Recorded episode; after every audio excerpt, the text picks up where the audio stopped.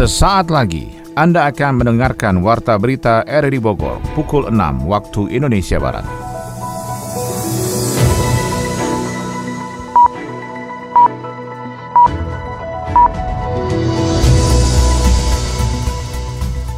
Selamat pagi dan salam jumpa. Kembali kami hadir dalam Warta Berita edisi hari ini, Sabtu 15 Januari 2022. Siaran ini bisa Anda dengarkan melalui audio streaming pada aplikasi Radio Play di perangkat smartphone Anda dan turut disiarkan Radio Tegar Beriman, Kabupaten Bogor. Berikut kami sampaikan berita utama.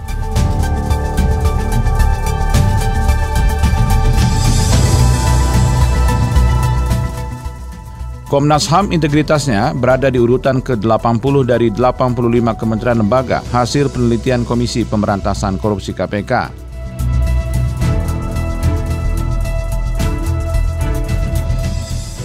Satuan Reskrim Polres Bogor menangkap enam pelaku mafia tanah di Desa Cijayanti, Kecamatan Babakan Madang, Kabupaten Bogor. Komitmen Kementerian Keuangan dalam upaya penegakan integritas dan secara khusus dukungan penuh dalam upaya pemberantasan kasus mafia pertanahan. Saya Maulana Isnarto, inilah Warta Berita selengkapnya.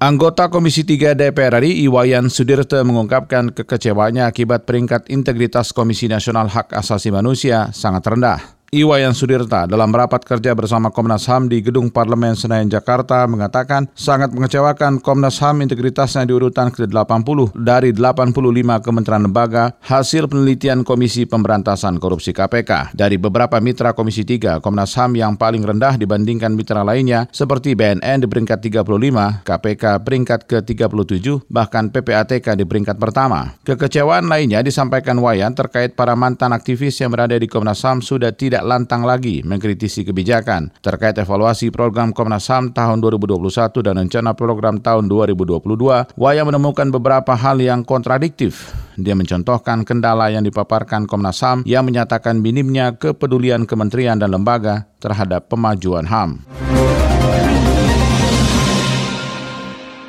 Satreskrim Polres Bogor menangkap enam pelaku mafia tanah di Desa Cijayanti, Kecamatan Babakan Madang, Kabupaten Bogor, Jawa Barat. Yofri Haryadi melaporkan. Enam orang tersangka melakukan tindak pidana pemalsuan. Dan dari hasil penyidikan, kami memperoleh keterangan bahwa mereka juga di samping memasukkan surat dari DPKN, mereka juga memasukkan eh, sertifikat Satuan Reskrim Polres Bogor menangkap enam pelaku mafia tanah di Desa Cijayanti, Kecamatan Babakan Madang, Kabupaten Bogor. Enam pelaku tersebut adalah AS 54 tahun, DH 44 tahun, RF 54 tahun, IS 54 tahun, MS 44 tahun, dan IA 34 tahun. Dari enam tersangka tersebut, AS merupakan mantan pegawai honorer di Direktorat Jenderal Kekayaan Negara, Kementerian Keuangan, DJKN Kemenq. Kapolres Bogor AKBP Iman Imanudin mengatakan kasus tersebut tersebut terungkap berawal adanya laporan polisi atas pemalsuan surat dari DJKN Kemenq perihal permohonan penerbitan surat keterangan pendaftaran tanah SKPT. Polisi melakukan penyelidikan dan kemudian dua orang berhasil diamankan, yakni AS dan DH. Kasus tersebut terungkap berawal dari laporan pemalsuan surat tanah seluas 2000 meter persegi di Desa Cijayanti, Kecamatan Babakan Madang, Kabupaten Bogor. Jadi tanah itu tanah negara yang tercatat sebagai aset Kementerian Keuangan-Keuangan, Kementerian Keuangan sudah milik negara. Berasalnya dari aset-aset yang merupakan sitaan dari perkara BLBI. Kosong, tanah kosong. Korbannya orang per orang dan korporasi. E, mereka melakukan dari tahun 2014 yang dua tanah 2000 meter milik e, Kementerian Keuangan itu ini adalah pintu masuk kita untuk mengembangkan ke perbuatan mereka dari tahun 2014 tersebut. Dan ini adalah perbuatan mereka yang kesekian kalinya. Ada yang buat sendiri, ada yang menggunakan jasa orang lain. Ya, ini uh, alat yang digunakan oleh mereka untuk menerbitkan uh, surat-suratnya. Modus para tersangka dalam melakukan aksinya tersebut yaitu dengan melakukan pemalsuan surat-surat dari DJKN dan sertifikat hak guna bangunan SHGB nomor 1914. Akibat pemalsuan surat dan modus memperjualbelikan aset negara itu pun korban dan negara mengalami kerugian mencapai 15 miliar rupiah. Dalam pengungkapan itu pun polisi mengamankan sebuah alat printer yang digunakan pelaku untuk memalsukan dokumen dan buku tanah serta 60 buku tanah palsu. Kasat Reskrim Polres Bogor AKP Siswo Tarigan memastikan pihaknya akan melakukan pengembangan pada masing-masing peran mafia tanah tersebut. Sampai dengan hari ini, Satreskrim Polres Bogor terus melakukan pengembangan terhadap pelaku yang lainnya dan insya Allah akan terus kita kembangkan ke sumber yang menerbitkan apa menghasilkan dari bahan-bahan palsu ini. Sementara itu, Inspektur Bidang Investigasi DJKN Kementerian Keuangan Alexander Zulkarnain memberikan apresiasi kepada Polres Bogor, mengingat banyak aset negara berupa tanah yang kembali melalui proses hukum tetap. Salah satunya adalah penyitaan aset dalam kasus korupsi BLBI. Penahanan oknum pegawai DJKN oleh Polres Bogor ini merupakan bentuk konkret sinergi, kerjasama, dan komitmen Kementerian Keuangan dalam upaya penegakan integritas dan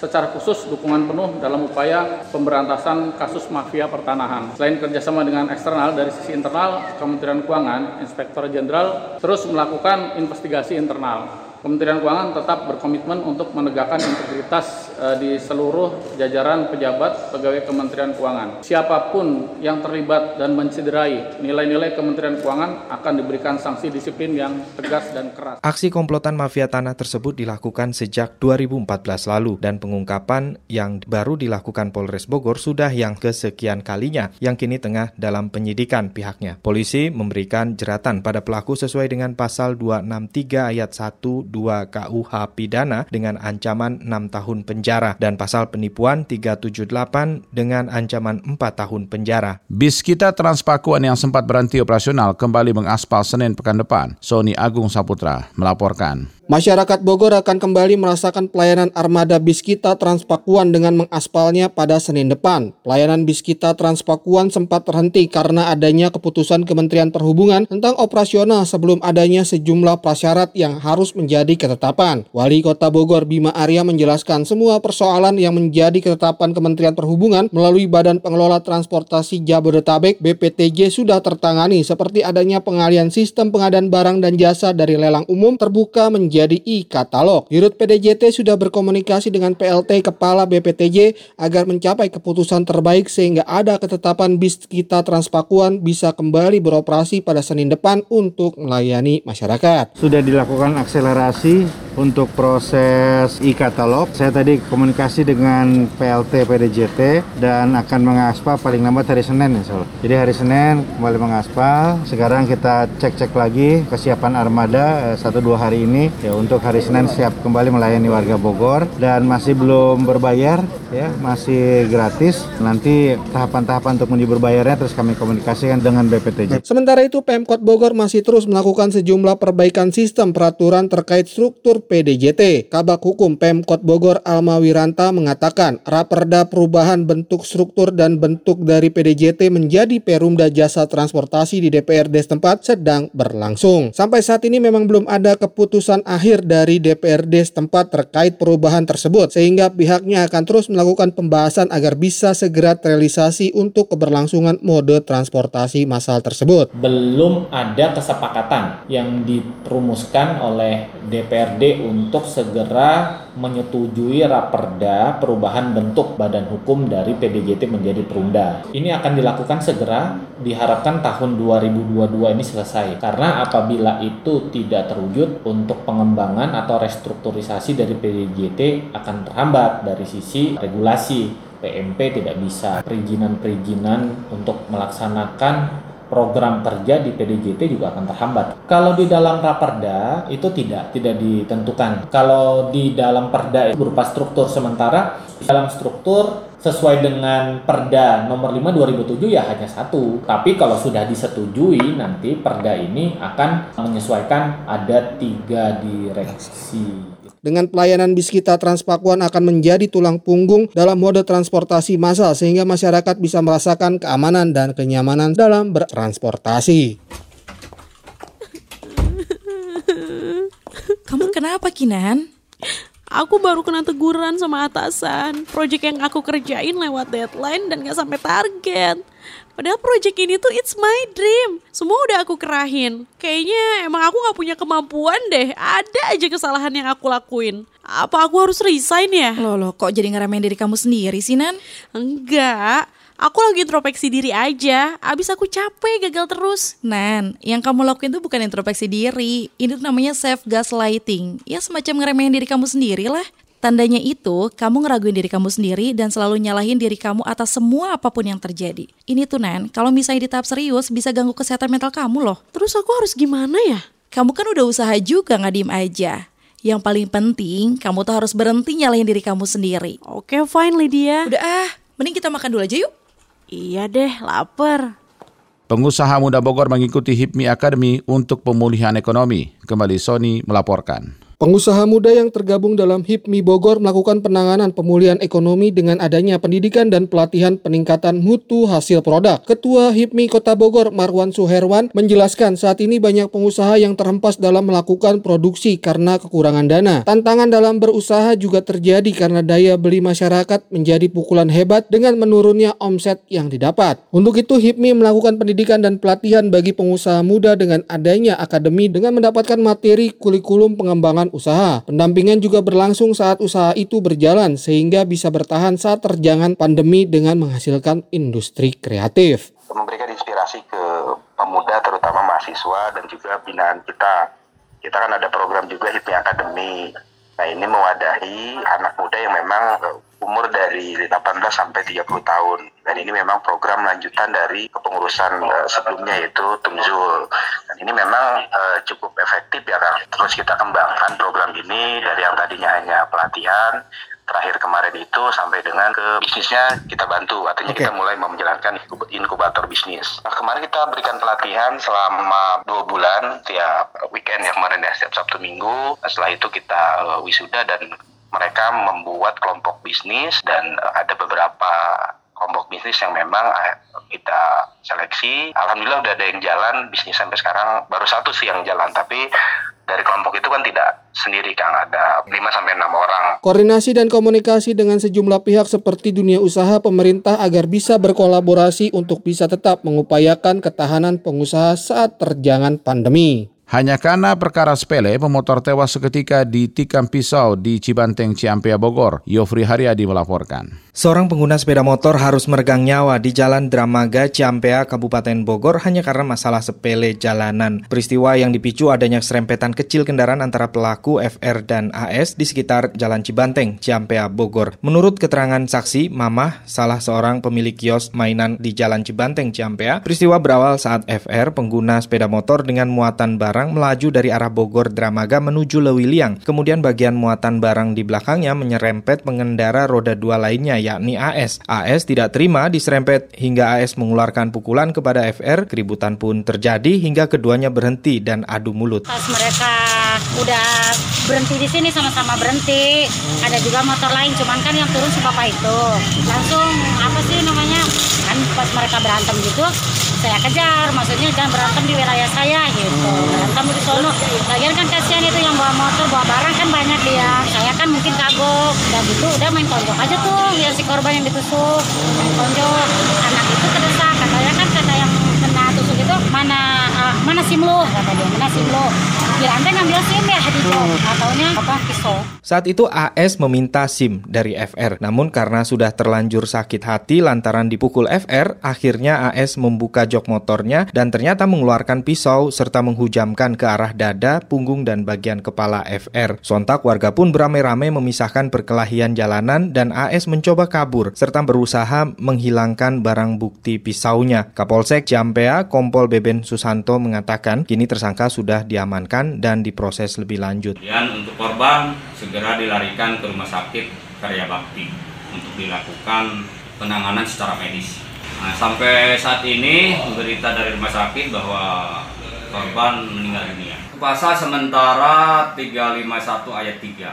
Ancaman. Ya, ancaman hukumannya kalau menyebabkan mati bisa 12 tahun. Sebelum diamankan polisi, AS nyaris dikeroyok masa. Sementara FR dilarikan ke sebuah klinik di Cibanteng, Ciampea untuk mendapatkan perawatan akibat luka di dada dan kepala. Namun sayang nyawa FR tidak tertolong saat berada di klinik. Pelaku AS kini dijerat pasal 351 ayat 3 ancaman menyebabkan kematian dengan jeratan maksimal 15 tahun penjara. Pemerintah Kota Depok menggandeng Rumah Sakit UI dalam pelaksanaan vaksin vaksin booster. Berikut disampaikan Adi Fajar Nugraha. Pemerintah Kota Depok menjalin sinergi dengan sejumlah instansi dalam rangka mempermudah pelaksanaan vaksin booster sesuai arahan dari pemerintah pusat. Kota Depok sendiri dalam rangka pelaksanaan vaksin booster ini dilaksanakan melalui kerjasama antara Pemkot Depok dengan pihak Rumah Sakit Universitas Indonesia atau RSUI. Kepala Bidang Pengendalian dan Pemberantasan Penyakit Dinas Kesehatan Kota Depok, Dr. Umi Zakiati mengungkapkan, saat ini Dinkes tengah mempersiapkan sejumlah puskesmas dalam penyelenggaraan vaksin booster untuk masyarakat. Bagi masyarakat yang menjadi prioritas penerima untuk sementara mendaftarkan vaksin booster di Rumah Sakit UI. Untuk sementara ini karena ini apa ya harus siap segera kita baru mempersiapkan di layanan di RSUI ini. Nanti ada link, link pendaftaran dari RSUI yang akan di-share baik dari media sosialnya RSUI ataupun media sosialnya Dinas Kesehatan. Nanti silahkan diakses media sosial dari Dinas Kesehatan. Dari situ nanti lansianya ataupun keluarga dari lansia itu bisa mendaftarkan lansianya. Ya nanti ke depannya ini kita bertahap untuk mempersiapkan puskesmas juga vaskes-vaskes yang lain berkolaborasi untuk bisa melakukan layanan vaksinasi booster ini juga. Pada saat pelaksanaan kick-off vaksin booster di Kota Depok pada Rabu lalu, Wali Kota Depok Muhammad Idris menerangkan bahwa Pemkot Depok memprioritaskan kelompok rentan dan lansia untuk diberikan vaksin booster. Nantinya jika seluruh sasaran sudah memenuhi target, maka masyarakat umum juga dapat mengakses vaksin booster dalam upaya pencegahan COVID-19. Dosis 3 booster diutamakan arahan dari pusat juga untuk lansia dan kelompok apa? kelompok rentan.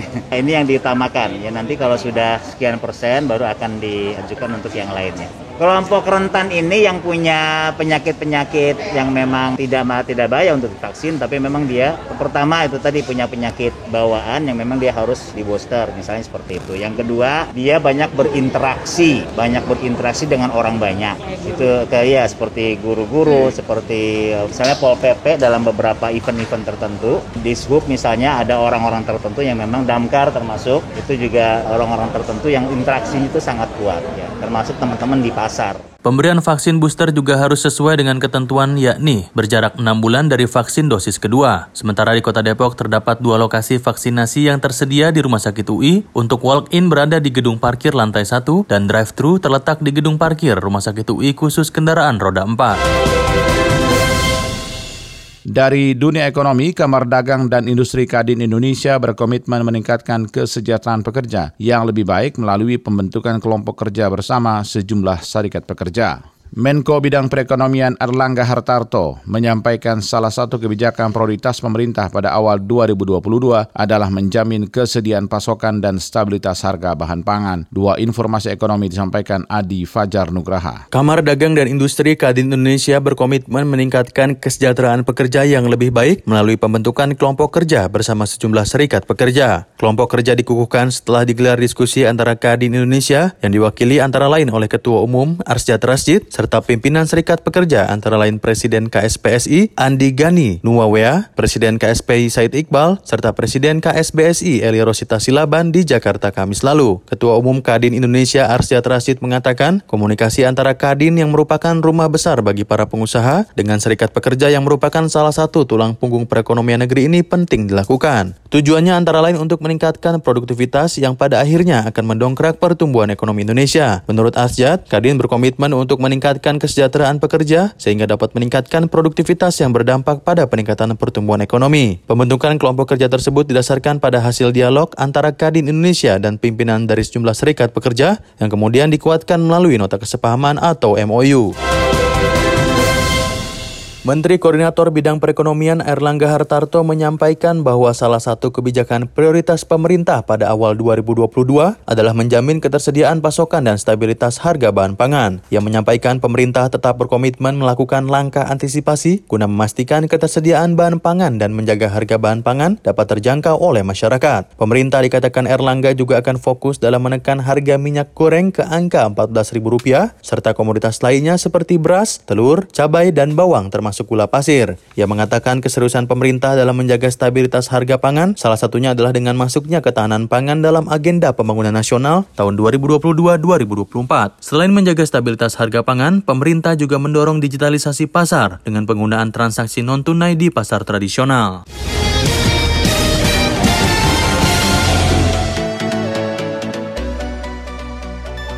Dari dunia olahraga, legenda MotoGP Valentino Rossi pada Kamis mengumumkan dirinya akan memulai babak baru dalam karir pembalapnya dengan berkompetisi di ajang GT World Challenge Europe. Persatuan Olahraga Senam se-Indonesia POSI Kota Bogor akan berjuang bisa masuk dalam pelatihan nasional atau pelatnas tahun 2023 mendatang. Kita akan ikuti laporan bersama Ermelinda. Legenda MotoGP Valentino Rossi pada Kamis mengumumkan dirinya bakal memulai babak baru dalam karir membalapnya dengan berkompetisi di ajang GT World Challenge Europe. Rossi akan membalap selama satu musim penuh yang terdiri atas 10 seri untuk tim WRT asal Belgia mengendarai mobil Audi R8 LMS yang akan dibubuhi nomor ikonik sang juara dunia 9 kali yaitu 46.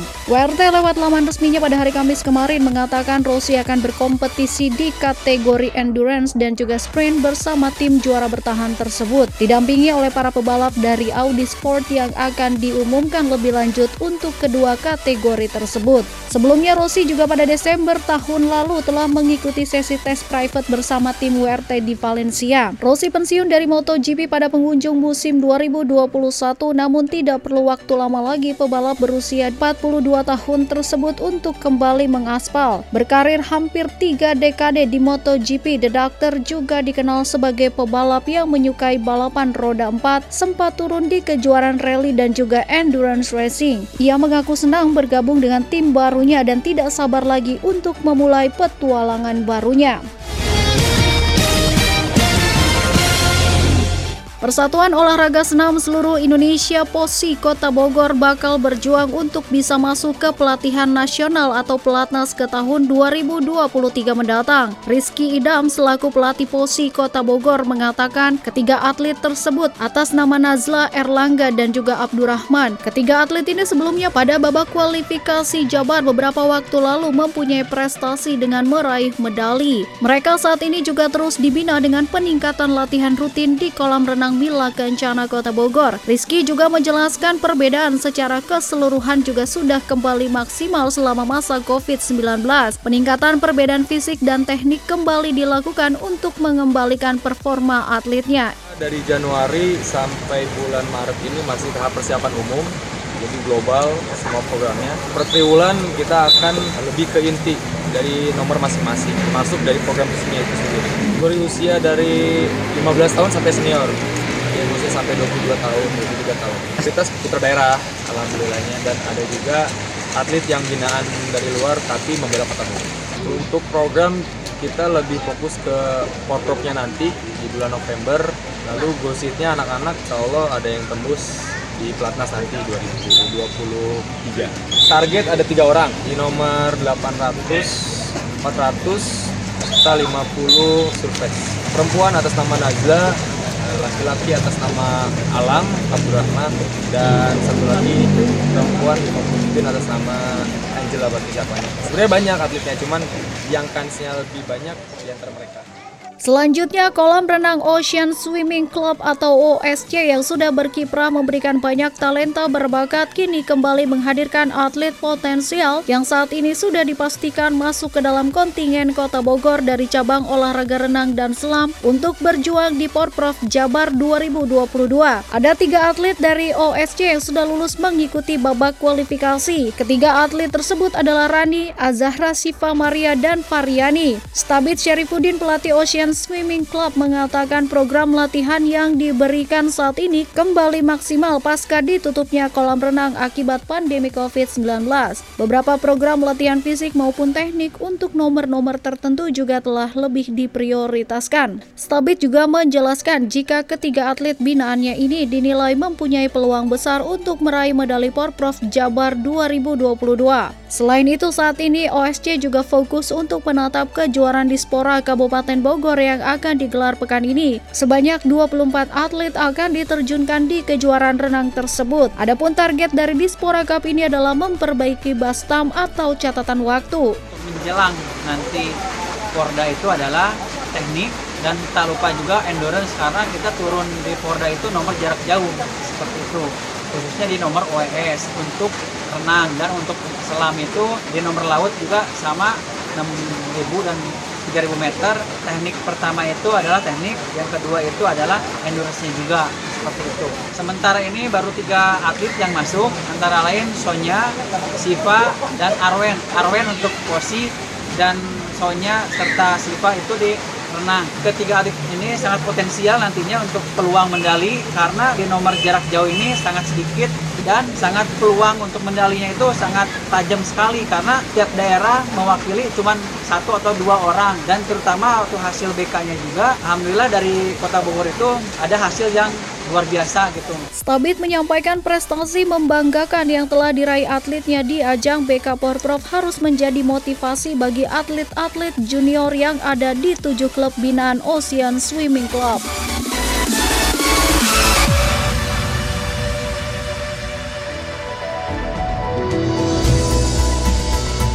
Demikian rangkaian informasi yang kami hadirkan dalam Warta Berita di edisi hari ini. Sebelum berpisah, kami kembali sampaikan berita utama.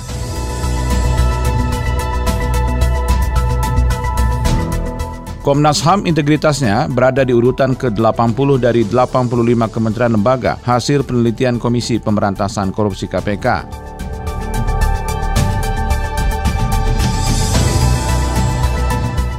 Satuan Reskrim Polres Bogor menangkap enam pelaku mafia tanah di Desa Cijayanti, Kecamatan Babakan Madang, Kabupaten Bogor.